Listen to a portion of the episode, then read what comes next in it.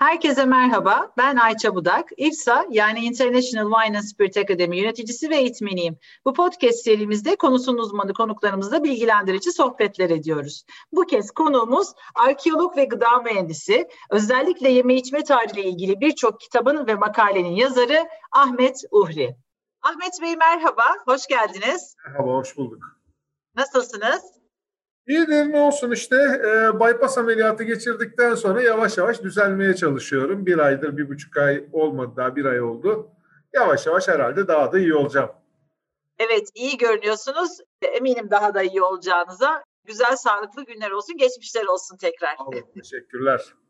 Peki o zaman önce sizi tanıyarak başlayalım mı Ahmet Bey? Tamam. Ahmet Buhri kimdir desem? ah, yani gıda mühendisi ve arkeolog olarak tanımlıyorum kendimi. Yani benden böyle genelde CV isterler bir yerlerde hani ya şey yapalım. Ben şunu söylerim hep. Gıda mühendisi, arkeolog, Karaburun'un Sarpıncık köyünde yaşamayı ve yemek yapmayı sever diyorum. Bu yetiyor yani benim CV'm bu. bu kadar. Tabii bunun dışında 9 Eylül Üniversitesi'nde öğretim üyesiyim arkeoloji bölümünde. Ama o gıda mühendisliği geçmişim nedeniyle daha çok yeme içme arkeolojisiyle ilgileniyorum ki ona aslında nasıl bir isim verileceğini de bilmiyorum. Çünkü böyle bir alan yok. Ama Defne Koryürek şey demişti. Agro arkeoloji yapıyorsun sen demişti. Tuttum ben. Hoşuma da gitti. Agro. Güzel tanımlama. Güzel tanımlama. Güzel tanımlama. Benim de hoşuma gitti. Yani işte buyum. Evet ya şey tabii çok enteresan hani mühendislik ve arkeolojinin bir arada olması gerçekten farklı bir bakış açısı ve boyut getiriyor size e, bence ve sizin yazdığınız kitapları ve yaptığınız konuşmalara. O yüzden hem dinlemeyi en çok sevdiğim hem de okumayı en çok sevdiğim yazarlardan bir tanesiniz. Sağ olun, teşekkür ederim. Şöyle e, aslında ilkokuldan beri arkeolog olmak istiyordum ama ailede herkes ya doktordu ya mühendisti zorla Dediler ya doktor ya mühendis olacaksın. E ben de sınavlarda kazandım, başarılı da oldum. İşte gıda mühendisinin ilk mezunlarından biriyim ben. Türkiye'deki ilk mezunlardan. E, o zaman yalnızca Ege Üniversitesi'nde vardı. Sonra Hacettepe'de falan da açıldı da. Ama işte ilk mezunlardan oldum. Bir süre çalıştım. Ama hep aklımda arkeoloji vardı. Döndüm bir daha okudum. Bir daha girdim sınavlara ve işte ikisini birleştirmeye çalışıyorum. Sanırım dünyada tekim yani gıda mühendisliği arkeolog. Fakat şöyle ben gıda mühendisliğine çağırmışlardı okula yani bu işlerden sonra üniversitede hocayken ne dersin diye. Öğrenciler anlatmıştım durumumu. Sanırım içlerinde ilgi duyan olmuş ki ki öğrenci var şimdi Ege Üniversitesi'nde gıdayı bitirdikten sonra arkeoloji okuyorlar. Biri sınıfta biri dördüncü sınıfta da şu an derslere gidebiliyorlar mı gidemiyorlar mı çünkü yani bitti o işler yani şey yok bir yıldır üniversiteye gidemiyoruz yani. E, yüz yüze ders yapamadık öğrencilerle. Ya evet çok doğru. Ben de bu arada orta sondayken arkeolojiye çok merak salmıştım. Arkeoloji ve sanat tarihine çok merak sarmıştım. Ben de arkeolog olmak istedim fakat babam beni caydırdı. Dedi ki sen dedi e, işte git bir iktisat falan oku. Hani böyle daha e, şey bir şey oku. Ondan sonra onun üzerine istersen gene gidersin dedi. Hatta bir tane arkadaşım vardı. O da arkeolog olmak istiyordu. O oldu. Ben üniversitede iktisat okurken o arkeoloji okuyordu. İkimiz de İstanbul Üniversitesi'ndeydik. Ben onun arkadaşlarıyla yazın yaptığı bütün staj şeylerine gittim. Gezilerine, ödev hazırlıklarına. Ama ben arkeolog olamadım sonra okuyamadım. Ama en azından şarap var hayatımda. O da bir nevi arkeoloji galiba. Tabii tabii, tabii canım. Onlar, onlar zaten kültür ürünleri ve bayağı bir eski. Zaten herhalde değiniriz. Ee, evet evet. Sırasında da onlara. Kesinlikle. Peki şu ara yönettiğiniz bir kazı var mı ya da kazılar var mı? Sıra e, aslında biz, e, ben hep Doğu Güneydoğu çalıştım kazılarımda. E, daha önce e, şeyle başladı, öğrencilikte Ayanis Kalesi Van'da, Urartu Kalesi kazılarıyla başladı Profesör Altan Çilingiroğlu'yla. Daha sonrasında hep Doğu Güneydoğu çalıştım. 2009'dan 2016'ya kadar Siirt'te e, Ilısu Barajı kazılarında. Hmm çalıştım. Oradaki benim şu an kazdığım yerlerin hepsi su altında zaten. Hani e, şeyde de batıda da birkaç kazıya gittim. Girit'te gittim. Yani o ayrı ama şeyde asıl e, burada Kadıkalesi Kuşadası'nda ve bunun yanı sıra işte Uluca Köyük gibi yerlerde kazılarda bulundum. Fakat şu sıra benim artık bir kazım yok. Onun yerine Ege Üniversitesi'nden bir arkadaşımla beraber Çiler Çilingiroğlu'yla Çilingiroğlu yani babası hocamdı, doktor hocam. Kızı da meslektaşım oldu. Ee, Çiler de Almanya'dan gelmiştir. İkimiz beraber Karaburun'da yüzey araştırması yapıyoruz. İzmir Karaburun'da. Oranın kültür envanterini çıkarıyoruz. Şu sıra yaptığım iş o. Yani e, yeni bir kazı da bu saatten sonra herhalde almam. Onun yerine çıkanlar üzerinden konuşmak daha kolay gelecek. Zaten şurada da emekliliğime fazla bir şey kalmadı. o yüzden e, gençler yapsınlar kazıyı. Evet. E, hiç kolay bir iş değil gerçekten de ya ve ama eminim çok da keyiflidir. Bu kazılarda bulduğunuz heyecan verici şeyler oluyor muydu ya da bugüne kadar bulduğunuz en heyecan verici şey? Şimdi tabii Mesela? bir sürüsü heyecan verici oluyor. Önemli olan bilgisi bizim için. Yani kıymetli bir eser olmuyor, olmayabilir. Küçücük bir çanak çömlek kırığıdır ama bilgi veriyordur. O anlamda heyecan verici olabilir. Ama bunun dışında derseniz öğrencilikte hatta işte hocam filan da çok takdir etmişti o dönemde. Öğrencilikte bulduğum küçük bir altın aslan heykeli var. Şimdi Van Müzesi'nde sergileniyor. Onu o zaman bulduğumda çok heyecanlanmıştım. Ee, yani önemli bir şeydi. Fakat daha sonraki dönemlerde Siirt'te özellikle kazarken daha farklı şeylerle karşılaştık. Örneğin orada Başurhöyük kazısında Haluk Sağlam Timur'la beraber çalışıyorduk. Orada dünyanın en eski oyun taşlarını bulduk. Satrancın atası. Şimdi o altından, gümüşten, bütün o şeylerden çok daha değerli. Çünkü e, yani şey Batman Müzesi'nde sergileniyor şu an onlar. Bayağı bir strateji oyunu, akıl oyunu. Tahtası yok tabii, çürümüş gitmiş tahtası ama taşları duruyor hepsi. Oyunu hala da Siirt Games diyoruz ona, Siirt oyunu. Yani adını öyle verdik. Hala da nasıl bir oyun bilmiyoruz ama satrancın atası gibi duruyor. Bunlar tabii heyecan verici oluyor bu tür şeyler. Çok acayipmiş gerçekten ya. Peki Metro Gastro'ya aslında yazdığınız kitaplar var. Birazcık zaten ben çalışırken de sizin yazdığınız kitaplar üzerinden yola çıkarak sorular sormaya çalıştım. Tabii ki hep bütün içeriklere girebilecek durumumuz yok kitaplardaki ama bu arada Metro Gastro'ya da devamlı yazı yazıyorsunuz siz.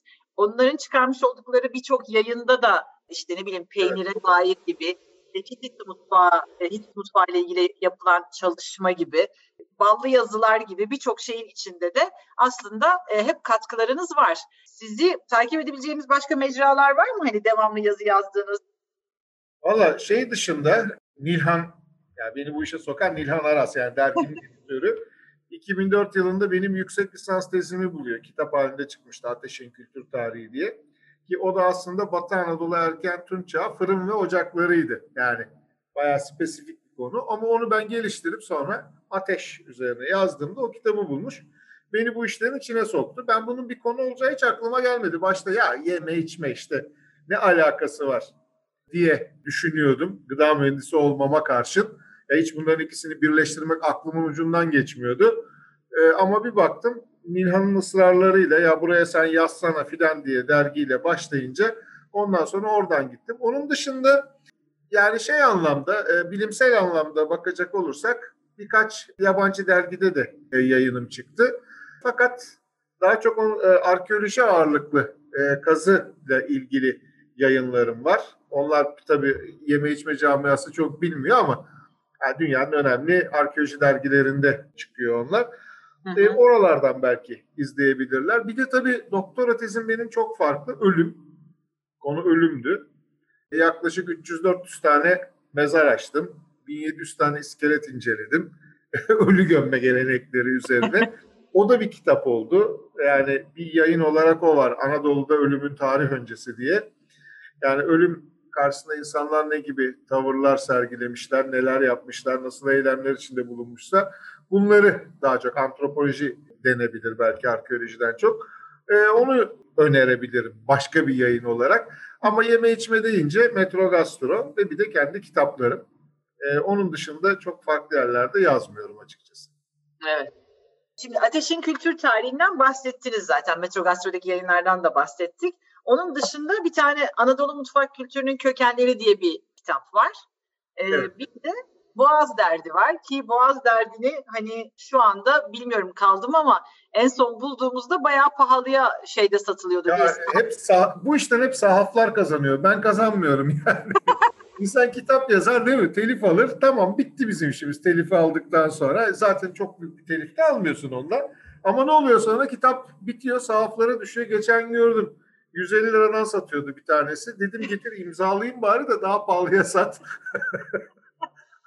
yani siz dedim kazanıyorsunuz bu işten. Evet öyle oldu ama e, şöyle de bir durum var. Onun ikinci baskısı bu sene içinde çıkacak 2020. Ay çok sevindim. Onu soracaktım Tabii ben de. Yaşasın. 100-150 sayfa daha ekledim.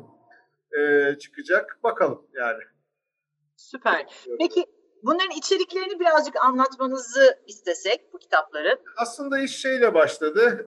Öncelikle o ateşin kültür tarihi ve beslenme e, hani ateş ilişkisi, pişirme e, yöntemleriyle başlayan bir süreç içinde. Arkasından araya şey girdi. Tam o sıralar Nilhan geldi dedi ki ya dedi bir Hititlerle ilgili yemekler yapılıyor. Hitit mutfağı ile ilgili bir şeyler yazar mısın? Oradan başladı Hitit mutfağı önce. Tabii Hitit mutfağı yazarken Anadolu mutfak kültürü nerelere gidiyor, ne kadar geriye gidiyor diye bakınca fırınlar, ocaklar derken e, iş değişti. Hitit mutfağını yazdım. Ondan sonra bu Anadolu mutfak kültürünün kökenleriyle ilgili bilgi biriktirmeye başladım. Yazmadan çok biriktiriyordum. Bir sürü şey buluyordum.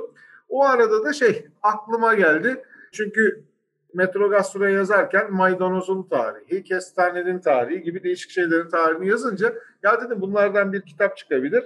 İlhan'dan da izin alıp orada yayınladıklarımı da tabii geriden gözden geçirdim. Boğaz derdini yaptım işte. Boğaz derdi. Bütün bitkilerin tarihi, hayvansal ürünlere giremedim. O belki ikinci bir kitap olabilirdi. Çünkü arkeozooloji ayrı bir alan. Hı hı. Yani kazılardan çıkan kemiklerin değerlendirilmesi. Bir de hayvanlar hareketli. Bitkiler gibi durduğu yerde durmuyor. Nereden geldiler? Hangisinin kökeni neydi? Deve nerede vardı? Koyun neredeydi? Domuz neredeydi diye bakınca iş biraz daha farklı yönlere gidiyor. Belki onların ürünlerini yapabilirdim. Tereyağı, peynir, süt yani hayvansal ürünlerin tarihi. O olacak ileride fakat daha çok bitkilerin tarihine girdim. Ve özellikle e, kazılardan çıkan sonuçları değerlendirerek yani arkeobotani yaparak ya da arkeobotanistlerin çıkardıklarını değerlendirerek o gördüğünüz Boğaz Derdi kitabı ortaya çıktı. Tabii bunun yanı sıra bir de gene birikenlerle beraber Anadolu mutfak kültürünün kökenlerini sonunda tamamlayıp sanırım 2016'ydı. Onu da bastım. Orada tabii şey de var. İçinde yani Anadolu mutfak kültürü deyince kurutmayla başlayan bir süreç o. Yani ilk kuru gıdalar yani bulgur, yarma filan derken daha sonrasında eski ürünler en kadim ve en besleyici ürünler tarhana, keşkek onlara kadar. Bir de bölgesel olarak tabii onu Hı-hı. ben inceledim. Yani Güneydoğu'da nasıl, Orta Anadolu'da nasıl? Çünkü Anadolu deyince tek bir mutfak kültürü yok. İnanılmaz bir çeşitlilik var. Doğusu ayrı, Güneydoğusu ayrı, Karadeniz'i ayrı, Ege'si ayrı, ot kültürü ayrı. Yani e, bunların hepsini ayrı ayrı incelemek gerekiyor. Hepsini azar azar değinmeye çalıştım. Belki ileride daha kapsamlı hale getirebilirim bu kitabı. Evet, bence de çok güzel olur. Memnuniyetle bekleriz ve okuruz hocam daha bu kitapların içeriğindeki sorulara girmeden önce benim sizin Facebook'ta e, yayınladığınız çok sevdiğim bir serim var, seriniz var. evet. İktidarsız koltuklar. İktidarsız koltuklar. O aslında şöyle 2011 e, yok 2013 ya da 15'ti. İzmir'de aynen İstanbul'daki Bienal gibi İzmir'in de Trienali vardır. 3 yılda bir yapılanı. Hı hı. Ee, İzmir Trienali için hazırladığım bir işti sokaklarda hep böyle hani artık bir tüketim toplumu olduğumuz için yeni mobilya alınca eskileri sokağa atıyorlar. Eskici de alıyor. Sokaklarda bunları gördükçe Allah Allah dedim yani bu enteresan gelmişti. Sonra yalnızca sokaklarda değil dağda bayırda bir sürü yerde görmeye başladım. Arazideyiz dolaşıyoruz ama bir tane koltuk bir yerde. Ne arıyor? Çoban getiriyor veya bir başkası getiriyor ama evindeki eskiyi getiriyor. Atmış oraya. E, tabii öyle olunca e, bunlardan bir iş çıkabileceğini düşünerek ben de Trienal için hazırladım iktidarsız koltuklarda. Çünkü koltukla iktidar arasında bir ilişki var. Ama koltuğu dışarı atarsanız yani eski koltuk iktidardan düşmüş oluyor. yani o e, şeyi anlatabilmek için yani iktidarın da geçici olduğunu, her şeyin geçici olduğunu anlatabilmek için o eski koltukların üzerine oturup fotoğraf çektirip yayınlamaya başladım. Bunların en uç noktası da işte İzmir'de son bir tane yapmıştım. Aslında şey Triennale'de sergiledim bitti. Fakat daha sonrasında baktım her yerde var hala da. Ve çok da hani ben de eğleniyorum bir de Facebook'a koyan herkes eğleniyor. E dedim tamam yani devam edeyim. Şimdi halen daha bir yerlerde rastladım bir koltuk. Üzerine oturup bir gün mikrop kapacağım zaten öyle oturuyorum. yani salgın nedeniyle bir ara durdurayım dedim. Sonra dedim hadi devam edeyim. Evet yani şimdilik öyle devam ediyor. Tabii şu sıra devam etmiyor da e, yakında biraz daha düzelir sokaklarda daha fazla dolaşmaya başlarsam ve bir de değişik yerlere gidersem gittiğim illerde değişik illerde de çekiyordum ben onu. Kars'ta da vardı, Erzurum'da da çok değişik yerlerinde Türkiye'nin çektim bunları fotoğraflarını. Ben de nerede görsem hep sizin o iktidarsız koltuklar geliyor aklıma. Yani önceden bu kadar dikkatimi çekmiyordu. Çöp gibi bakıyordum. Ama sonra siz tabii onu böyle bir sanat eserine çevirince, bir sergiye, bir seriye çevirince ilgimi çekmeye ve başka gözle bakmaya başladım.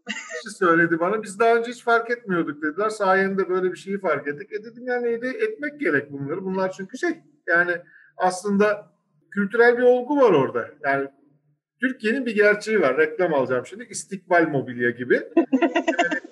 e, atıyor yerine yenisini alıyor. Eskiden öyle değildi. Biz ne yapardık? Koltuğun yüzü değiştirilirdi. Bir daha bir daha kullanılırdı. Koltukçular vardı, tamirciler, yüz değiştirenler. O meslekler de yavaş yavaş kayboldu. E, aynı şekilde yataş gibi bir şey çıktı. Şeyler gitti, yorganlar gitti. Pamuk atıcılar vardı, onlar kayboldu. Mesela şey yapılırdı, yataklar ona göre attırılırdı. Bunların hepsi bitti yani. Doğru. E, Doğru. Öylece e, yani bu tüketim toplumunun getirdiği bir olgu. Onunla karşı karşıyayız. Evet, gerçekten öyle. Peki, şimdi önce ateşten konuşmaya başlasak. Bize ateşin keşif hikayesini anlatsanız kısaca. Tabii olasılıkla şöyle, tabii bunlar hep olasılıkla diyoruz. Çünkü insan iki buçuk milyon yıl önce hatta üç milyon yıl önce ilk taş aletleri yapmaya başlayıp oradan yavaş yavaş gelişirken bir yerde olasılıkla bir buçuk milyon yıl önce bu tarihler tartışmalı tabii. Ee, Güney Afrika'da iki tane mağara var. Onlar da Swartkrans'ta biri de bir şeydi. Bunlar da ateşi kullanmış. Bunu arkeologlar orada saptıyorlar kazılarda. Bakıyorlar ki şeyin içinde, mağaranın içine ateşi dışarıdan taşımış. Yani daha önce kontrol edemediği ateşi kontrollü hale getirmesi demek hani evinin içine taşıması e, o zaman başka bir şeyleri daha getirecek demektir. Bu da en başta pişirme tabii. Ateşi kontrollü hale getirip bir buçuk milyon yıl önce evin içine aldıktan sonra ev diyoruz ama mağara yani sonuçta onu kastediyorum. Mağaranın içine aldıktan sonra onun üzerinde bir şeyler pişirdi. Bu pişirme tabii çok önemli çünkü pişirmeyle beraber et yumuşadığı için çeneye düşen güç azalıp çene küçülüp beyin boşluğu artıyor daha zeki yaratıklar oluyoruz. Yani 300-400 santimetre küplük bir beyin hacminden yavaş yavaş Homo erectus bunu yapan, iki ayak üzerine kalkıp yürüyen demek Homo erectus. Hı hı. O elleri boş kalınca alet yapan, ateşi de olasılık o sayede bulan, onun 800 santimetre küptür e, beyin hacmi.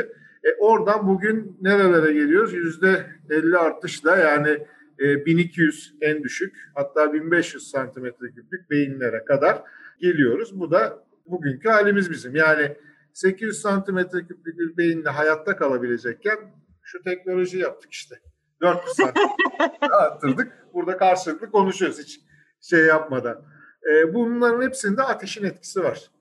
E, ateşi e, bu anlamda boşlamamak gerekiyor. İnsanlığın bugünkü teknolojik düzeye gelmesinde ateşi kullanıyor olması son derece önemli ve ben bunu zaten benim Ateşin Kültür Tarihi kitabında da bu şekilde yazdım. Tabii öyle bir şey ki daha sonrasında mitolojilere bile konu olacak ateş. İşte Prometheus meşhur insanlara ateşi getirecek. İnsanlık o sayede bugünkü durumuna gelecek. Yunanlılar öyle anlatıyorlar. Tabii o Yunan mitolojileri ayrı bir olgudur. Çünkü şöyle Yunan'da iki şey var. Bir felsefe var, bir de mitoloji var. Okumuş yazmış ve bir de e, daha yüksek sınıflar için felsefe vardır.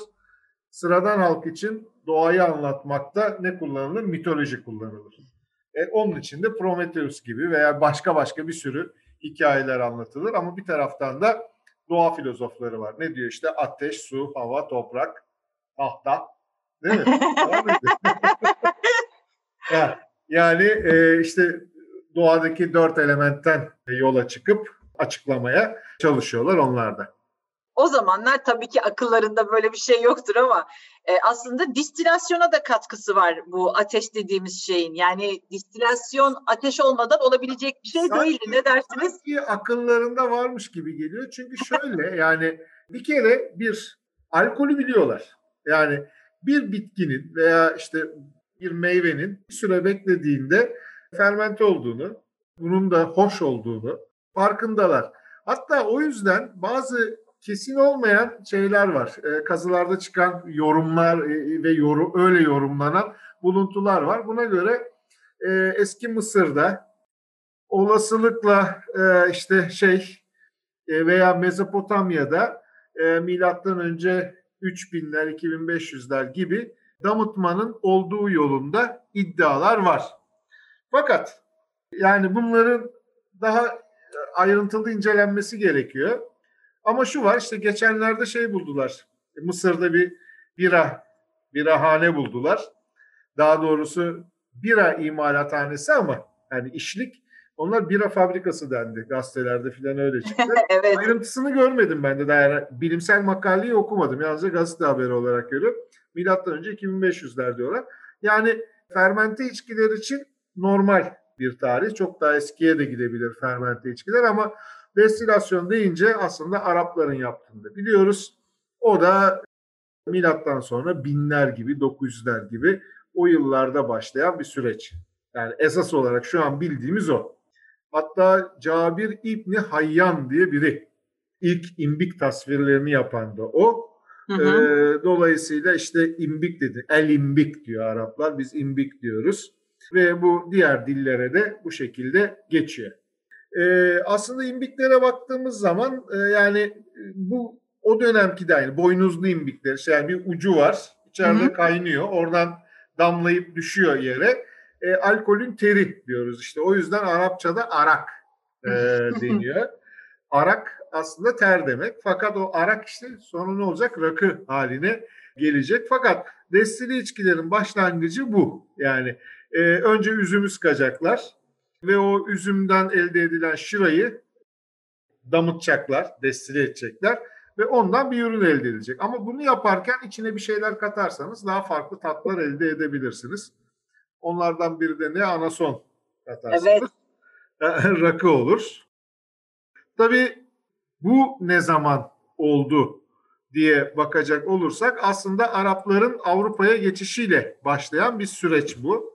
Özellikle 9. yüzyıldan sonra Avrupa'ya geliyorlar, Sicilya'ya geliyorlar ve burada imbiklerini de götürüyorlar ama onlar tabii Müslümanlık gereği alkol, elde edilen alkolü içmiyorlar. Yalnızca tedavi amaçlı kullanıyorlar yaralarda hı hı. E, ve diğer e, şeylerde. Fakat tabii bunu İtalyanlar görüyor. Sicilyalılar görüyor.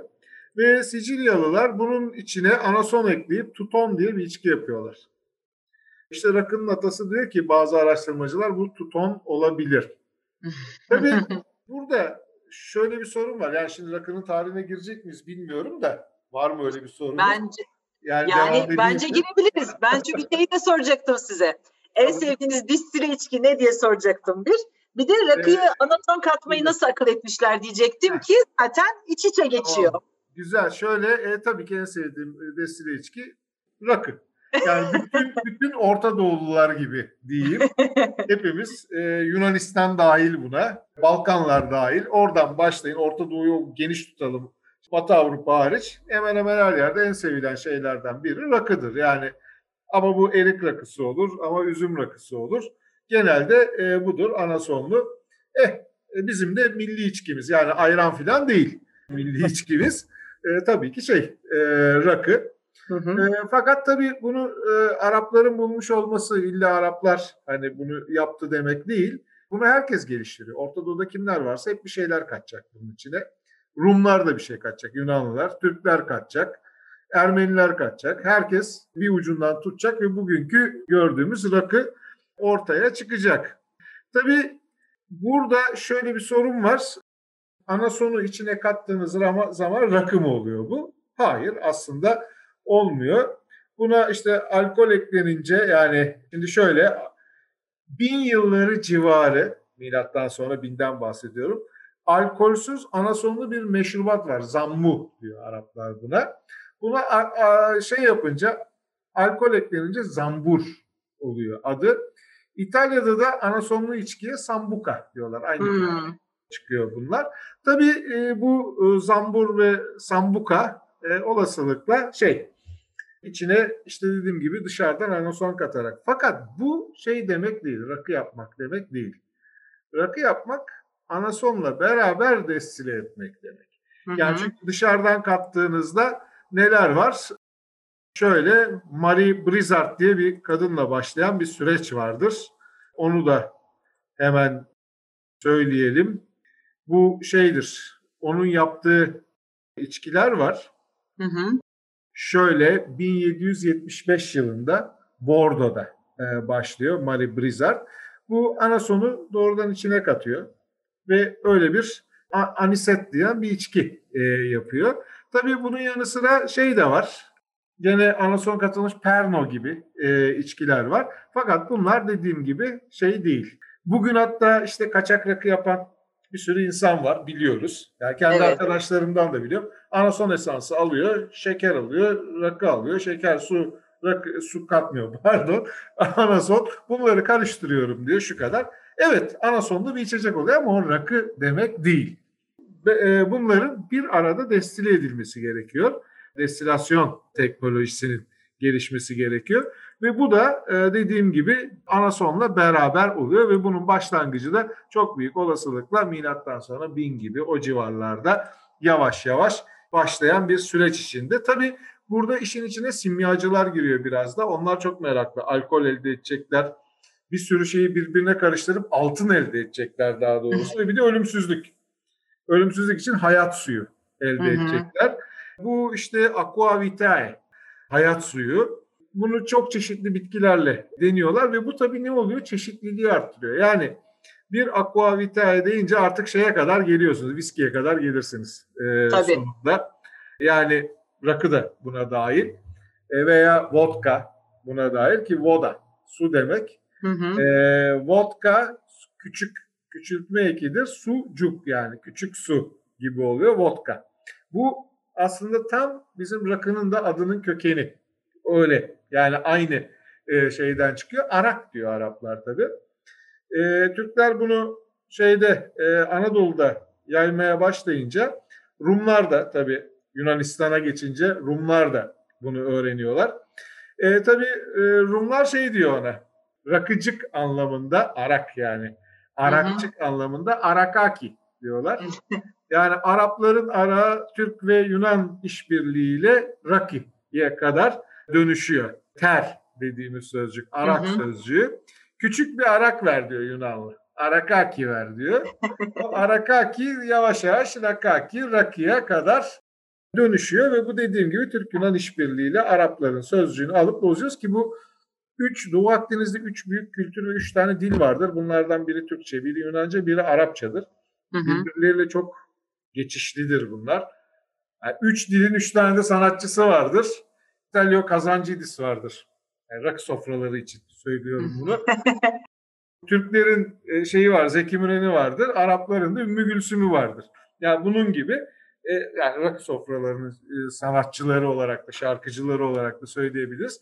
Dilsel olarak da birbirine çok geçişleri vardır. Yani kaldırım diyoruz biz. Kalodromos yani iyi yürünen yol demek. Kalodromos.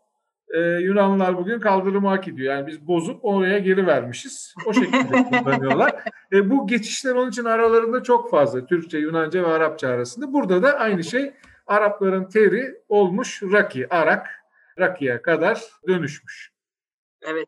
Bu arada dinleyenler için söyleyeyim bizim YouTube Anason Muhabbetleri kanalımızda e, Ahmet Hoca'nın geçtiğimiz yıl Anason Muhabbetlerindeki Anason üzerine e, yaptığı konuşmayı da hmm. ayrıca dinleyebilirsiniz bunun dışında da. Peki. Ya, o çok eğlenceliydi. Evet. Özellikle benim konuşmam bitip ondan sonra öğlen rakı servisine geçiliyor ya orası çok hoşuma gitti.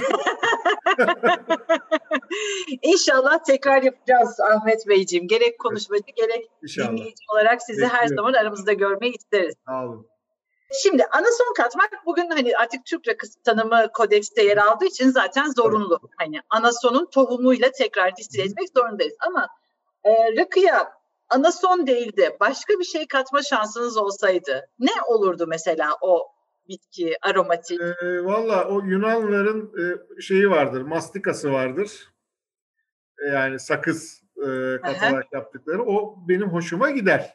Onu da severim. Burada zaten Karaburun'un karşısı Sakız Adası, Hios. yani oradan e, balıkçıya söyledim mi getiriyor.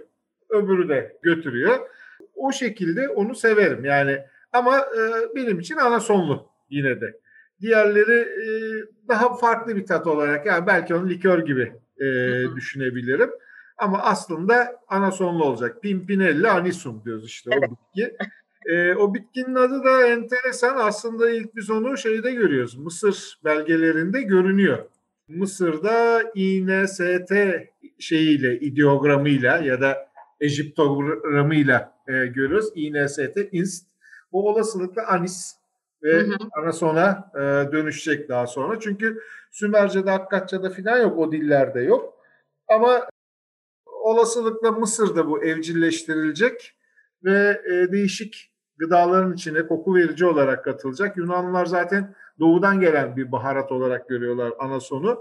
Dolayısıyla da Pimpinella anisum bugün o şey olacak işte bildiğimiz anason haline gelecek. Bir de yıldız anason var. Onun konumuzda hiç alakası yok. Illicium verum o Çin'de e, yetişen bir şey. Onun konumuzda ilgisi yok. Zaten burada o kokuyu veren, tadı veren şey de anetol denen bir e, uçucu yağ var içinde. O zaten yani rakının içine su koyunca beyazlaması da o anetol e, nedeniyle ikisinin beyazlaması gerekiyor. Fakat belirli bir sıcaklığın üzerinde tutarsanız suyu beyazlamaz. Yani normal açık e, normal su içiyormuşsunuz gibi görünür. Öyle yapanlar da var hani ne içtiği belli olmasın diye. Gördüm evet. yani rakı sofralarında. yani ama ben su içiyorum diyor orada duruyor. Sıcak su koymuş. E, rakı şey beyazlamıyor o zaman.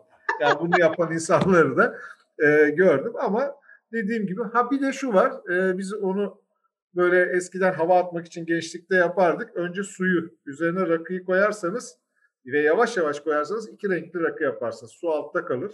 Ağır olduğu için rakı üstte yüzer. Ee, üst taraf çok arada böyle beyaz bir şey kalır. Ee, beyazlanır ama e, şeyi ikisi birbirine karışmadan da tutabilirsiniz. Sonra karıştırırsınız tabii. Evet. Öyle.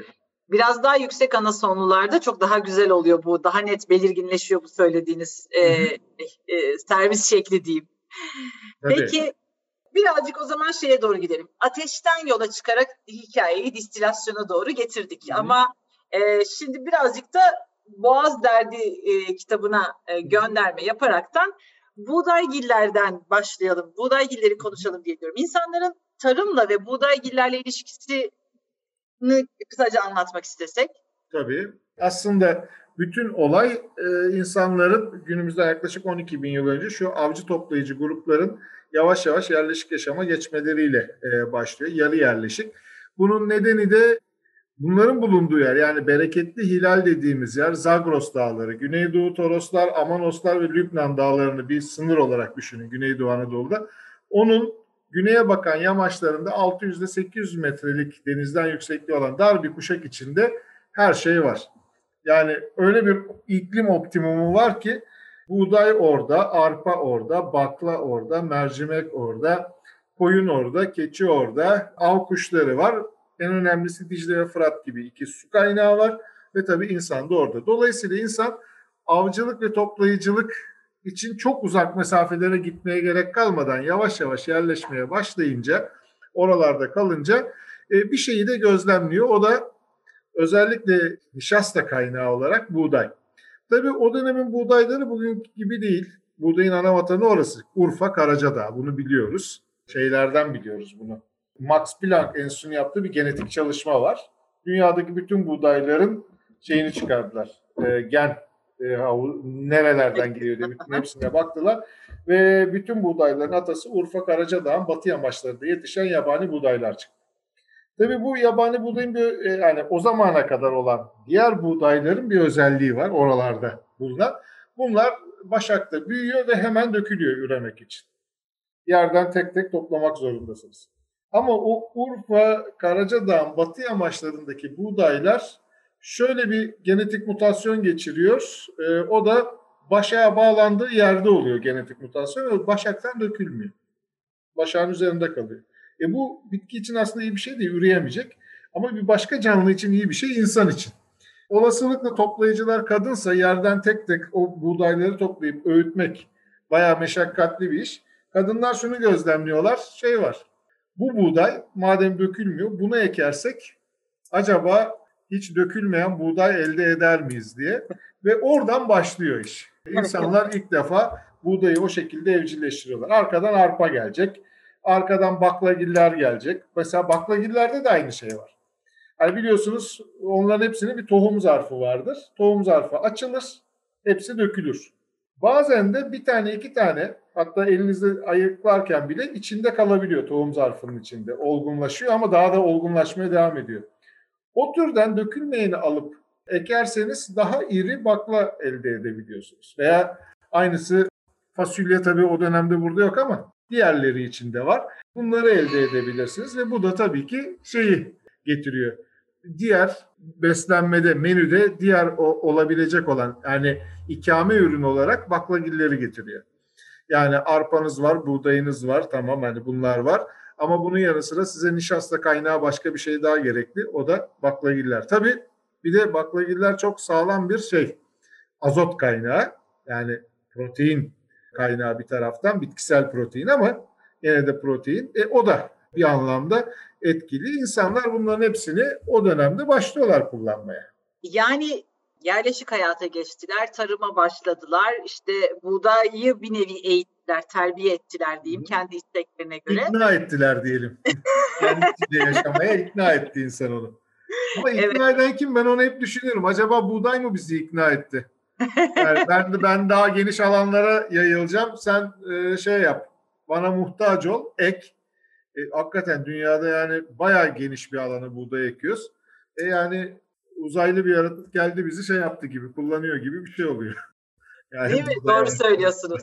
Bir de hani sadece tabii buğdayı hani yemek olarak değil, içecek olarak da ya da evet. işte buğdaygilleri diyeyim daha doğru hani arpayı da buğdayı da diğerlerini de içecek olarak kullandığımız alanlar da var. Kesinlikle. Şimdi ekmek yapmaya başlıyorlar sonra bira geliyor değil mi peşinden? Hikaye öyle Peki mi? Şöyle aslında aşağı yukarı aynı dönemlerde öbürleri de oluyordur da biz onu bilmiyoruz. Yani şöyle mesela Göbekli Tepe'de çıkan büyük taştan tekneler var. Çok büyük ama bunlar. Bunların 200-300 kilo şey alabiliyor. Herhangi bir madde. Şimdi onun içinde şey de var. Bir yaban eşeği kürek kemiği de çıkıyor. Bir şeyi karıştırmak için belli. İçinde yarı sıvı bir şey var. Sonra onun taşından örnek alıp analiz ettiğinizde sodyum oksalat ya da potasyum oksalat dediğimiz oksalik asit tuzlarına rastlanıyor. Bu da aslında tahılların fermentasyonuyla ortaya çıkan bir ürün. Yani analizler bize gösteriyor ki içinde fermentatif bir tahıl var. Tabii bu hemen şeyin aklına, rahmetli Klaus Schmidt'in aklına bizim orayı kazan, a bira dedi. Bira. Mantıklı olabilir ama biranın yanı sıra e, gene bulamaç gibi olan ve gene e, orada da ekşiyen yani fermente olan bir ürün daha var. O da keşkek ve tarhana. E, bunlar da çok eskiye gidiyorlar. Olasılıkla Göbektepe'de ritüellerde bunlar bira içip keşkek yemişler belli yani. Böyle bira, keşkek ikisi bir arada. Bu buğdayla yapılırken bir süre sonra arpaya da dönecek. Hatta buğday birasının eski Mısır'da adı var. BZS, Bozos diye yazılıyor. Boza yani. Bozos kökeni eski Mısır'a kadar takip edilebiliyor. Yani Doğru. Ejiptologlar bulmuşlar onu kayıtlarda. Bozos diye BZS sözcüğü. İşte hem boza hem bira hepsinin anlamına her anlama geliyor. Ee, öyle baktığında boza ile bira arasında çok fark yok. Bunu şeyi çok güzel anlatır Orhan Pamuk. Kafamda bir tuhaflık var romanında. O bozacı vardır çocuk romanda. Ee, evlere gider. Bozası Yani eve bakar şöyle eğleniyorsa insanlar Bozan'da alkol var mı diye sorduklarında olmaz olur mu der. Yani evde bir şey varsa ama ev mütedeyyin bir yerse Bozan'da alkol var mı deyince olur mu öyle şey alkolsüz olur o der. Yani her ikisini de şey yapar söyler. E, o, o yüzden şeyde ben o çok dikkatimi çekmişti Orhan Pamuk'un kitabında. E, doğru yani öyledir. Çok az alkol olsa da içinde alkol vardır. Aslında şu var, her şeyin içinde alkol var olgunlaştıkça. Eğer alkolden kaçmak istiyorsanız olgun herhangi bir meyve yemeyin o zaman. Değil mi? yani, portakalda da var canım biraz olgunlaşınca ve armutta da oluyor, öbüründe de oluyor. Yani çünkü nedir bu bir şekerdir. Yani kimyasal olarak alkol dediğimiz bir şekerdir. Ve bu şekerler dönüştükçe kendi içinde fermentasyonla alkole kadar gelir. Daha sonrasında parçalanır. Daha da başka yere gider. İşte şarapta olduğu gibi. Parçalanır sirke olur. Parçalanmazsa arada tutarsak şarap olur. O kültürdür. Sirke o nedenle doğadır. Yani. evet. Şahane anlattınız. Çok teşekkür ederim. Ha, rica ederim ne demek. Şimdi yerleşik hayata geçtik. Hayatımıza buğday girdi, bira girdi, işte arpa girdi, bira girdi. Ama bir taraftan da ateşle beraber distilasyonu da bağlamıştık zaten. Hı hı. Dedim işte Araplar Sicilya'ya gittiklerinde distilasyonu da yanlarında götürdüler. Yani tıbbi amaçla kullanmak amaçlı ama sonra Kuzey Avrupa'ya da gitti bu. Orada da başka şeylere sebep oldu. Bir de bu Cizvit rahipleri falan çok okuruz bu e, distilasyonun yayılma hikayesi.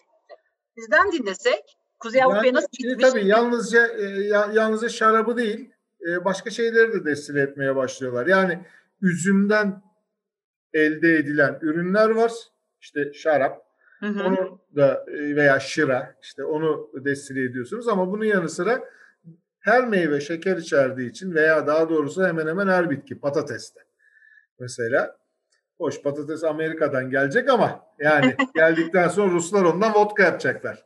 Evet. Veya ardış tohumunu alıp koyacak içine cin çıkacak ortaya. Yani içindeki cini çıkaracaklar bunlar. Ama yani şu var her türlü e, bitkiyle bunu yapabilirsin ve insanlar da bunu denemişler bulunduğu yere uygun olarak. Yani şunu unutmamak gerekiyor. İbn Haldun çok güzel bir laf eder. E, coğrafya kaderdir diye. Aslında o şöyledir. Yani coğrafya bizim içimizde yaşayan bir duygudur. E, o duyguyla beraber yaşarız. Var olduğumuz yer bizim ne yapacağımızı belirler diye söyler bunu. E, evet yani belirler. Eğer daha kuzeydeyseniz orada bir başka bitkiyi kullanmanız gerekiyor. Bakın şöyle bir sınır vardır Avrupa'da. Alsas-Lorraine civarından geçen bir sınır. E, bu sınır bira, şarap ve zeytinyağı tereyağı sınırıdır. E, bu sınırın kuzeyi yani yukarısı Almanya civarında bira ve tereyağı aşağı doğru Fransa tarafına indiğinizde e, şarap ve zeytinyağı vardır. Dolayısıyla coğrafi olarak bu tür e, sınırlar dünyanın değişik yerlerinde var. Yani bugün ne diyoruz? Ayçiçek yağı diyoruz değil mi? Yani sorun şu an Hı-hı. Türkiye'de yok. Ama ayçiçek Amerika kıtasından geldikten sonra onu en çok e, işleyenler kimler? Ruslar ve Ukraynalılar. Bugün dünyada en fazla üretim onlar yapıyor. Biz de oradan alıyoruz zaten. Nedeni de şu, e, orada zeytin yok. Zeytinyağı yok. Ne yapsın adam onu bulmuş yani. Onu ve ayçiçek üzerine yapılan bütün çalışmalara bakıyorum. Çoğu Rusça yani bilimsel çalışmalarda. Onu yazarken fark etmiştim. Dolayısıyla bu tür şeyleri diğer e, bitkilerde ve diğer içki alkollü ürünlerde de görmek olası. Yani e, şeye gidince bu İng- İngiltere'ye geçecek ne bileyim viski çıkacak ortaya işte. İskoçlar bir başkasını başka çeşidini yapacaklar. E tabi bu arada deneye yanıla hangisini neyin içine koyarsak nasıl beklerse nasıl oluru da birileri deneyecek. Meşe fıçı olursa şöyle olur diyecekler. Öbürü diyecek başka bir şeyin içine bakalimbikten geçirelim diyecek. Bunların hepsini insanoğlu deneye yanıla bulacak. İyi ki Kuzey Avrupa'ya doğru da gitmiş ki hem buğdayla arpa hem de distilasyon hayatımıza viski de girmiş. Evet. Peki ne tür viskileri seversiniz? Valla viskiyle benim çok e, ilişkim olmadı. Çocukken Ankara viskisi vardı. Ee, babam rahmetli ondan bize hasta olduğumuzda, grip falan olduğumuzda sıcak su, sıcak soda hatta içine viski koyar. Isıtır onu böyle. Kaynar kaynar içirirdi, biterlerdik, geçerdi. Ankara viskisiyle. Yani viskide ilaç çekiyordu adam. E, matematik hocasıydı ama ya ilgisi vardı demek ki. E, öyle bir şeyle bizi iyi ettiğini hatırlıyorum. Viskiyle benim o yüzden çok fazla şeyim olmadı. Daha sonra evde rakı ve şarap bizde en çok onlar vardı. Ama daha sonra insanlarla tanıştıkça yani evet çok farklı e, viski çeşitlerinin olduğunu gördüm.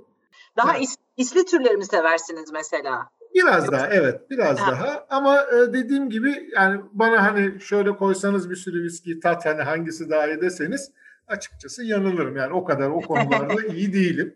Şarapta biraz daha farklı şarabı daha farklı bir ilişkim var onunla o yani ayrı. Aa, onda da tabii şöyle bir durum var yani degüstatörler bambaşka. Onlar tabii ki bilirler. Yani viski için de geçerli bu, şarap için de. Ben sonuçta sadece bir içiciyim yani. o kadar. yani onlar, onlarda iddiam yok. Bir de ben işin tarihindeyim zaten. Yani şeyinde değilim. Üretiminde değilim o kadar. Evet şimdi şaraba doğru geldik. Dediniz üzüm. ki e, evet üzüm üzüm üzümle şaraba geçeceğiz. O zaman biraz hani tamam bu çok uzun hikaye biliyorum ama e, kısaca da olsa sizden üzümün asmanın hikayesini dinlesek. Tabii. Şimdi e, şöyle son dönemlere kadar üzümün ana vatanı için Gürcistan diyorduk hep. Herkes öyle biliyordu ama Erzurum Atatürk Üniversitesi ile İtalya Ziraat Fakültesi oranın İtalyanlar arasında yapılan bir anlaşmayla bir proje yaptılar bunlar. O proje bize gösterdi ki yayınlanmadı da keşke yayınlansa da daha rahat söyleyebilsek genetik bir çalışma. Üzümün ana vatanı Erzurum Uzundere çıktı. Uzundere bilin nokta atış buluyorlar. Uzundere çünkü şöyle nasıl Urfa, Karacadağ, Batı yamaçları buğdaysa onun gibi orası bir ekolojik niş Uzundere. Gittim gördüm ben de yeri. Birçok meyve var orada. Çok değişik bitkiler ve çok değişik meyveler var. Hemen hemen hepsi orada yetişiyor. Yani şey gibi böyle Iğdır gibi e, iklimi daha şey dağların arasında kalmış. E, daha farklı bir iklimi var çevreden. Dolayısıyla olabilir emin değiliz ama eğer oralardan çıktıysa son derece mantıklı yani oradan çıkarsa hem Gürcistan'a hem Mezopotamya'ya yayılabilir. Çünkü biz en erken olarak şeyi üzümle ilgili bilgileri nerede buluyoruz? Diyarbakır Körtiktepe'de buluyoruz. Oradan yapılan analizler bize gösteriyor. Sodyum tartarat ya da potasyum tartarat var. Yani tartarik asit tuzu. O da şarap taşı dediğimiz şey. Demek ki üretilmiş oralarda şaraba döndürülmüş üzüm diye hı hı. E, buluyoruz. Tabii bunun yanı sıra üzüm taneleri çıkabiliyor kazılardan. Bunların en güzel örneklerinden biri İzmir'de, Çeşme'de. Bağlar arası kazısı vardır. O kazıda yani olasılıkla günümüzden 4000 yıl, 4500 yıl öncesi o da oradaki bir işliğin şarap işliği, şarap üretiminde kullanıldığı anlaşıldı. Çünkü üzüm taneleri de çıktı, çekirdekleri. Üzüm çekirdeklerini de buldular. Bu tabii bu kadar küçücük şeyleri nasıl buluyor derseniz flotasyon dediğimiz bir teknik var. Biz çıkan toprağa atmayız arkeologlar. O sudan geçirilir, elenir. İçinde ne varsa onlara bakılır. Dolayısıyla küçücük bitki tohumlarından, mikroskobik olanlardan şeye kadar neredeyse e, daha irilerine kadar bunların hepsi ayıklanır ve oradan florası çıkar ortamın. Bir de insanların neyle beslendikleri. Aynı şeyi kemikler için yaptığımızda da fauna çıkıyor. Yani hayvan varlığı e, çıkıyor. Dolayısıyla orada yapılan çalışmalarda bize gösterdi ki şey, ya bu taraflarda da hızlı bir şekilde yayılmış üzüm batıya kadar gelmiş. Çeşme'ye kadar gelmiş. Oralarda yetişmiş. Tabii bunlar bulunduğu yere göre de e, o üzüm ne var? Kendine göre çeşitlenmiş. E, yani ilk çıkanlar belki farklıydı. Çünkü neydi? Rupus silvestris var mesela bir tanesi şey dağ üzümü ya da orman üzümü dedikleri. Vitis vinifera bizim bugün kullandığımız üzüm. Yabanisinden şeye evciline doğru yavaş yavaş gelişmiş. Önce yabaniler kullanılmış. Ama insanlar tabii bunu hemen alıp da şarap yapmamışlar. Çünkü şöyle bir şey var o dönem için. Şimdi şunu unutmayalım bir kere insan beyni saf glikozla besleniyor. Glikoz. Bize glikoz lazım, fruktoz değil. Yani meyve şekeri değil. Glikoz dediğimiz balda da bulunan. E, bal çok kıymetli. Yani o dönemde elde etmek o kadar kolay değil. Ama bir bitki var ki onda glikoz var. O da ne? Üzüm. Dolayısıyla üzümü hem şarap yapmışlar hem de asıl pekmez. Pekmez yaptığında kendi beslenmeni yani kanındaki şeker oranını da düzeltiyorsun. Bu anlamda yani üzüm ürünlerinin hemen hemen hepsini o dönemlerde kullanmışlar. Bunların başında tabii şarap geliyor, sonra pekmez geliyor. Pekmezin yanı sıra pestil geliyor. Yani kurutup yayıyorsunuz. Üzüm pestili de var. Kayısın diğer meyvelerinki de var. Onu kullanabiliyorsunuz. Başka ne var? Bir de sirke var. Şimdi sirke daha enteresan. Burada işin içine şey giriyor. Doğayla kültür arasındaki ilişki giriyor. Çünkü doğada siz eğer bir üzümün suyunu, üzümü sıktınız, şırayı elde ettiniz, bırakırsanız bu doğal olarak kendi içinde parçalana parçalana fermente ola ola sirkeye kadar dönüşecek. Ama bunu orta bir yerde durdurursanız içindeki alkol oranı tam istediğiniz kıvamdayken işte o zaman şarap olacak. Dolayısıyla şarap bu fermentasyonun insan eliyle durdurulmuş olmasıyla elde ediliyor. Ve bu da kültürel bir olgu. Çünkü Marx ne diyor? Marx'ın çok güzel bir tanımı vardır, kültür tanımı. Doğanın yaptıklarına karşı insanın yaptığı her şey kültürdür diyor. Doğada hayatta kalabilmek için veya doğayı da olanlara karşı durabilmek için.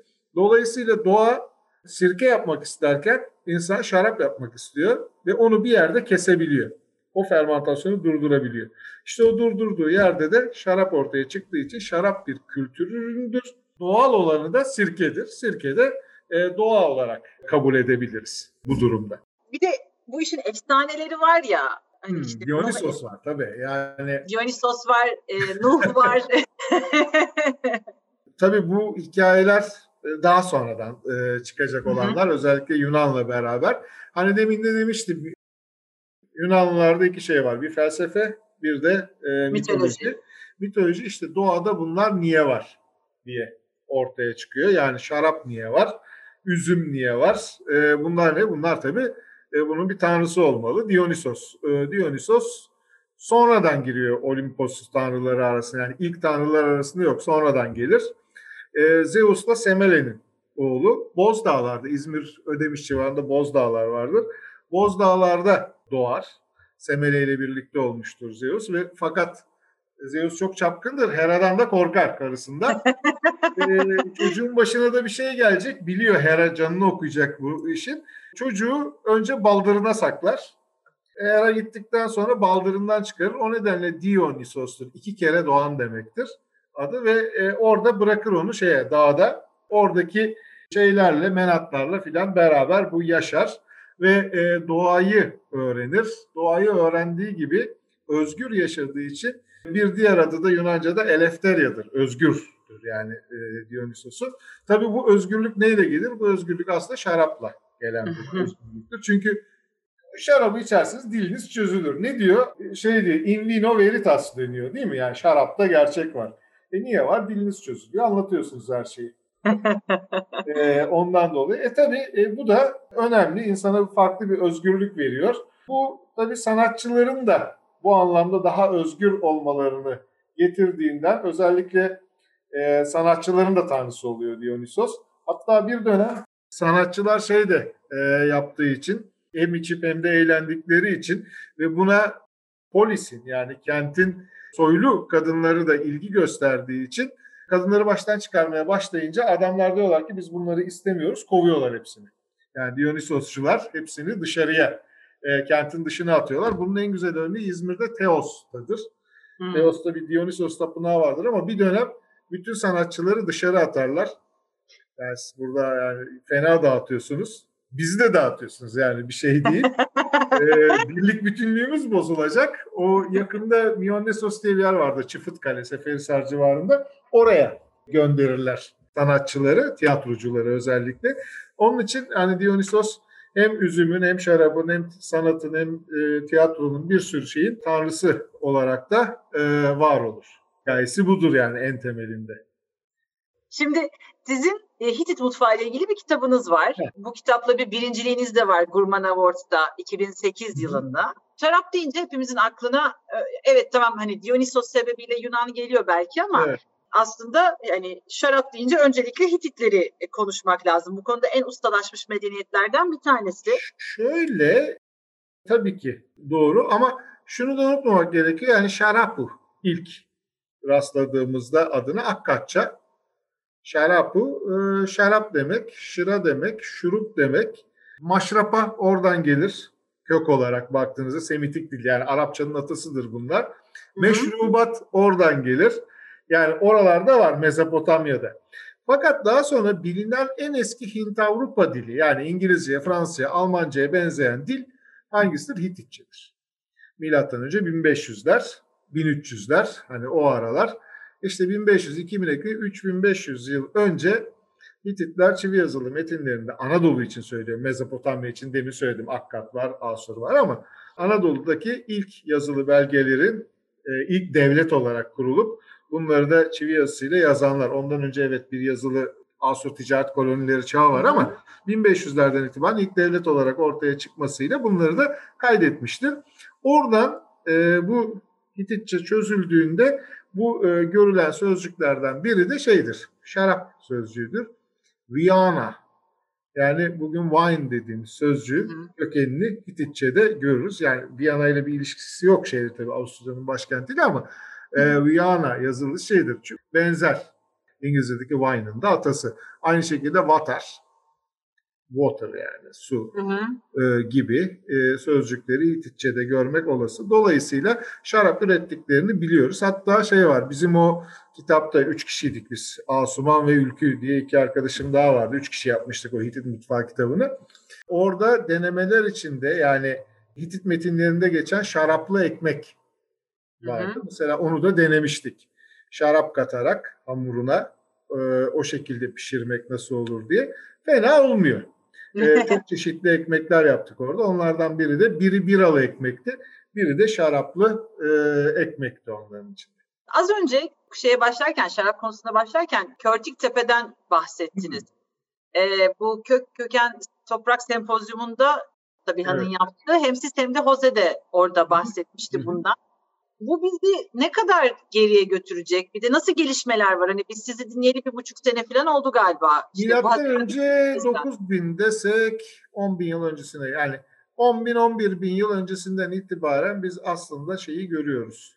Körtüktepe'deki buluntulara bakarsak belki insanlara çok uzak gelebilir bu tarihler ama o dönemlerden itibaren bunlar var. Yani aynı şekilde buğdayı arpayı da Ondan biraz daha öncesinde görüyoruz. Eğer Erzurum'un dereyse zaten ana vatanı yakın yani. Diyarbakır'a çok uzak bir yer değil. Oradan Doğru. getirilip e, yapılmış olabilir. E, çünkü hayır onları bırakın göçmen kuşlar bile taşıyabilir. Yani üzümü yiyor gidiyor öbür tarafta dışkılıyor o tarafa şey yapıyor. Bunu kuşlar çok yapıyorlar. Tabii. Aynı şekilde insan ile değil doğa yoluyla da bunlar yayılmış ve oradaki insanlar da bunu deneyerek e, üzüm ve sonra şarap e, yapmış olabilirler. Bu da tabii 10 bin yıl güzel yani insanlık tarihi için önemli. E aynı şekilde bira aşağı yukarı aynı dönemler ama bira sanırım daha önce biraz daha öncesi olması hı hı. gerekiyor. Çünkü önce yani evcilleştirilenler deyince eğer şeyleri düşünüyorsak tahılları önce evcilleştirilenler olarak e, tahıllardan mutlaka bira, boza bir şeyler yapmışlardır. Durduğu yerde çünkü ekşiyecek yani şeyi bırakırsanız böyle sulu olarak hı hı. E, arkasından da e, şarap gelmiş olabilir ama sanki şöyle de bir şey var. Bira biraz daha halka yönelik, şarap biraz daha elit, biraz daha yönetici sınıfa aitmiş gibi sonrasında böyle bir ayrım ortaya çıkacak. E, şeyden biliyoruz bir de bunu Mısır'da piramitleri yapımında çalışan çalışan işçilere bira veriliyor. Tayınlarında var. Verilmediğinde greve gidiyorlar. Ama yani şöyle gidiyorlar haklılar da o, o zamanki bira evet alkollü ama bir taraftan da şöyle çorba gibi bir şey enerji veriyor. Yani bir yemek gibi düşünüyorlar. E, öyle olunca e, yani bira biraz daha halka yönelik sanki şarap biraz daha elit bir ürünmüş gibi görünüyor. Evet. Görünüyor sadece ama.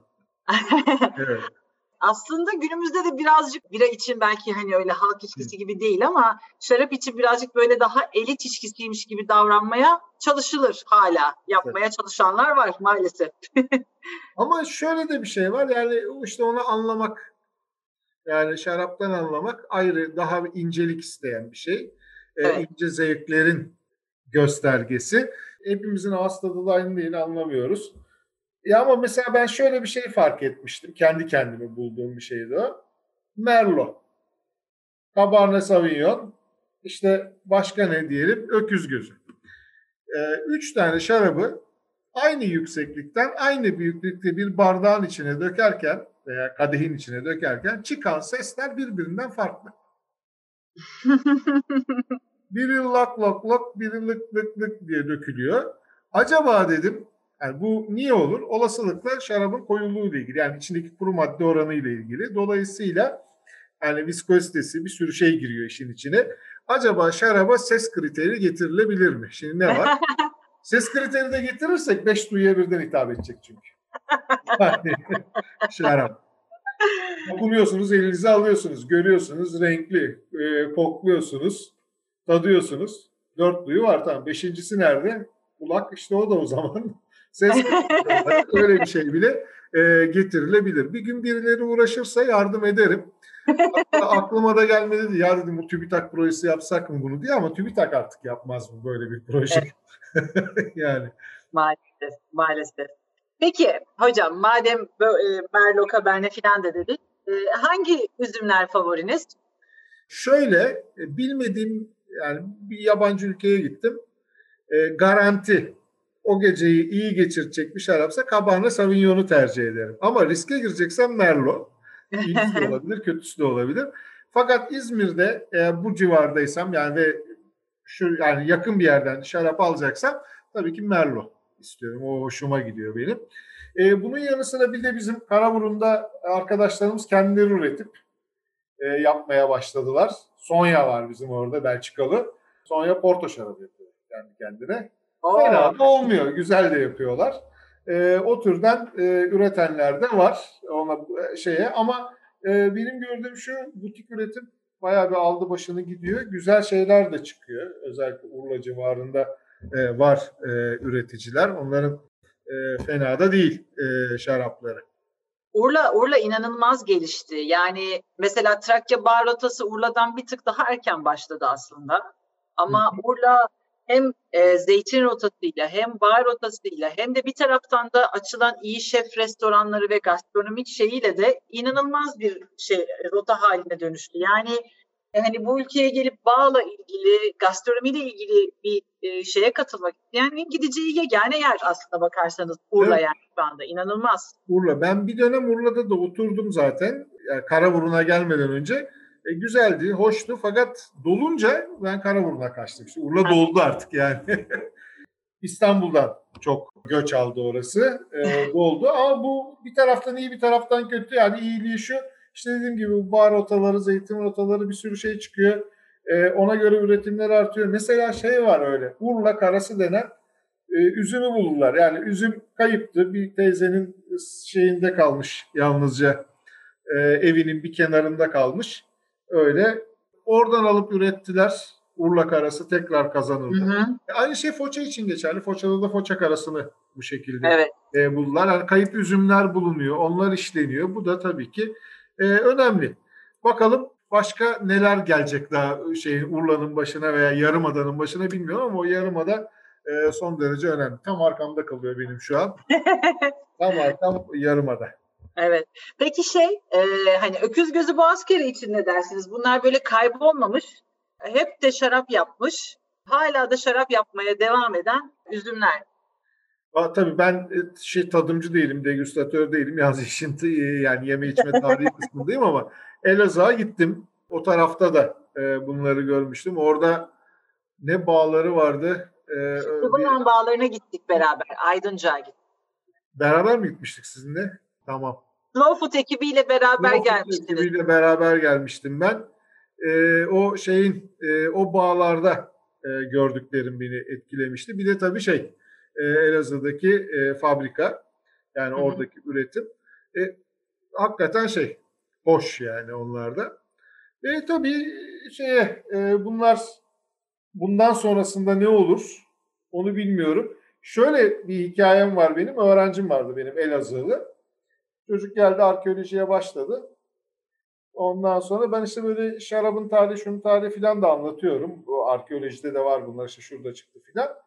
Bu mütedeyyin bir çocuktu. Rahatsız oldu. Ben de takıldım. Dedim oğlum siz ne iş yapıyorsunuz? Bağcılık yapıyoruz. Tamam dedim bana dedim üzümünü sat. Ben dedim şey yapayım ondan şarap yapayım. Yok dedi üreten de satan da günaha girer dedi. yani da. Onu siz günah beni de dedi günaha sokacaksın satmam size diyordu. Sonra bıraktı okulu gitti zaten çocuk. Öyle de bir şey var oralarda. Tamam bir kısmı e, şey yapıyor insanlar e, evet. üretiyor ama bir kısımda vermek istemiyor ürünü de. Onlarla nasıl çözülür o iş bilmiyorum. Aynen. Bir şey daha sorayım mı? Bu benim kendi merakım. Şimdi işte mesela Kortik, Kortiktepe'de iş 10 bin yıla kadar gidebilir. Uzun Dere'de dünyanın e, en eski üzüm çekirdeklerini bulmuş olabiliriz. Çeşidini bulmak mümkün olabiliyor mu? Şöyle şimdi bir hemen şeyi düzelteyim. Uzun Dere'deki genetik çalışmayla bulundu. Ge, yani genlerine bakarak, gen teknolojisiyle en erken orası dendi. Yoksa Hı-hı. üzüm çekirdeği falan çıkmadı. Öbüründe çıktı ama onu sanırım şey yapamıyorlar Hmm. Daha beceremiyorlar o kadarını e, botanikçiler ama yavaş yavaş belki ileride onlar da olabilir. Şu an tamam. yok yani şu an bilmiyoruz onu. Peki şarabın yanında hangi yemeği peyniri seversiniz? Ah, güzel. Valla şey iyiydi. Geçenlerde Karaburun'un bir keçi peyniri var. Hmm. Ee, onu almıştım. Onunla güzel oluyor. Bir de tabii bu arada benim ameliyattan çıktığım için içki falan azaltmam gerekiyor. Tabii ben de çok dinlemiyorum. Yani kırmızı şarap kan yapar diye böyle bir şey uyduruyoruz onu tabii. Ee, ama yani o zaman e, aldığım o keçi peyniriyle e, yerel bir peynirdi. Güzel olduğunu biliyorum. E, bunun yanı sıra şeyi severim. Bu tulum peyniri ama Bergama'nın gerçek hmm. yani kıllı şeye basılmış o tuluma basılmış, gerçek tuluma basılmış peyniri olağanüstüdür. O her şeyle güzel olur zaten. Evet ya. Şarapla da çok güzel oluyor. Aynen. Rakıyla evet. da çok güzel oluyor. Güzel evet, olgunlaşmış evet. şeyle inanılmaz oluyor gerçekten. Tabii. tabii. Ee, Selçuk'ta da var üretenler de onlar böyle 3 yıl dinlendirip çıkarıyorlar falan. O, o tulum da fena değil. Marka adı veremiyoruz değil mi? Peynir söyleyebilirsiniz. Alkol içkileri reklamı yasak. Sorun yok. Ha tamam. Kırıtaklar var orada. ha evet. Ee, Selçuk onların da fena değildir peynirleri. Konya Obruk iyidir. Obruk peyniri. Hı hı. Onlar. Ama dediğim gibi ben genelde burada yerel peynirlerle e, tercih ediyorum şey yapmayı şarabı. Peki insanlar yerleşik hayata geçmeseydi eğer biz hala böyle avcı toplayıcı devam ediyor olsaydık bu içkiler olur muydu sizce? E, bu içkiler yani başka türlü olurdu. Böyle olmazdı ama şöyle bir şey var. E, o dönemde avcı toplayıcıların günlük çalışma saati 2 saatti. 22 saat yatıyorlardı. 2 saatte günlük kaloriyi karşılıyorsunuz. Şu 22 saat tembellik yapacaktık. Ne güzel yapacaktık. 22 saatlik tembellik içinde doğayı gözlemliyorduk. Belki öyle devam etseydik oradan farklı içkiler, farklı şeyler üretirdik. Evet teknoloji olmazdı, damıtmazdık ama belki başka başka e, şeylere, e, yollara gidebilirdik ve bir de tembellik hakkımızı kullanırdık. Değil mi? Çalışmak zorundayız. Evet, gerçekten öyle. Bazen e, iki saat, üç saat uyumak bile mucize olabiliyor bazı günlerde. Değil mi? Değil mi? Doğru. Peki bizim ülkemizi yani işte Anadolu ve Trakya topraklarını e, en iyi anlatan yiyecek içecekleri sorsam neleri sayardınız? Mesela İzmir deyince benim aklıma herkes başka şey söyleyebilir ama Şevketi Bostan gelir. Tam zamanı şimdi. Mesela bir bitki olarak. Hatta Çok, İzmir evet. Mutfak Kültürü diye bir kitap yazılmıştı. Ben de içindeydim. Adını ne koyalım dediklerinde Şevketi Bostan koyun geçin dedim. Yani hepsi her şeyi anlatır bence. Yani ot kültürünü anlatacağı için. Buralar için öyle bir şey e, önerebilirim. E, bu Orta Anadolu'ya geçtikçe daha farklı olabilir. Ne bileyim yani Hititlerde de olan bir şey. Madımak Orta Anadolu deyince o gelir aklıma. Doğu Anadolu'ya geçince daha çok et ve yani hayvansal ürünler gelir bitki olarak değil de oralarda. Güneydoğu için de aşağı yukarı aynı şeyleri e, söyleyebiliriz. Tabii e, yani Karadeniz evet biz balıkla ilgili olarak düşünüyoruz ama Ege'nin de balığı fena değildir. E, yani onları da buraları için yine söyleyebiliriz. Öyle tek tek yani bir ürün şurasıdır demek bana biraz zor geliyor. Yani her yerin, her iklimin, her coğrafyanın kendine göre bazı ürünleri var. Çok haklısınız bence de. Biraz şey de aslında çok uzun cevaplı bir soru. Kısacık yani, cevaplı. Biliyorum ya hakikaten şey değil. Yani bir sürü ürün geliyor aklıma şimdi söyleyecek. Ee, ama dediğim gibi. Evet. İncir de diyebilirim İzmir için. Tabii. İncir Tabii. yani. Zeytin Aynen. de diyebilirim. Ee, ama yani Doğu Anadolu'da da zeytin var canım. Yani Kars'ta şeyde de var. Artvin'de ve e, Iğdır'da da zeytin var ama ya buranınki farklı ya da Antakya'da. Çünkü zeytinin ana vatanı da sonuçta Suriye. Hı hı. E, e, Güneydoğu Anadolu o civarlardan çıkıp yayılıyor. E, ama bugün baktığınızda en iyi zeytinler nerede? Şeyde e, yani Edremit, Ege, işte o Aynen. yani Kuzey Ege. O taraf. Peki hocam şahane bir sohbetti. Çok teşekkür ediyoruz. Ben teşekkür ee, ederim. Sağ olun. Gerçekten sizinle sohbet etmek her zaman çok güzel. Dinlemek her zaman çok güzel. Bir soru vardı başta sorduğum. Cevabını bulabildiniz mi diye sonda bir daha sorayım. Sonra sizin eklemek istediğiniz bir şey varsa siz ekleyin. Kiminle rakı toprağına oturmak isterdiniz? Sevdiğimle oturmak isterdim. Net olarak öyle diyor. Peki haklısınız. Sevmediğimiz biriyle rakı sofrasına oturulmaz. O da çok doğru. Olmuyor. Ee, haklısınız. Peki hocam çok teşekkür ediyoruz. Var mı başka eklemek istediğiniz bir şey? Yok. Ben e, beni çağırdığınız, konuşturduğunuz için burada sorular sorduğunuz için teşekkür ediyorum. Umarım e, keyifli bir sohbet olmuştur. Dinleyenlerin hoşuna gider. Başka sohbetlerde belki buluşuruz tekrar.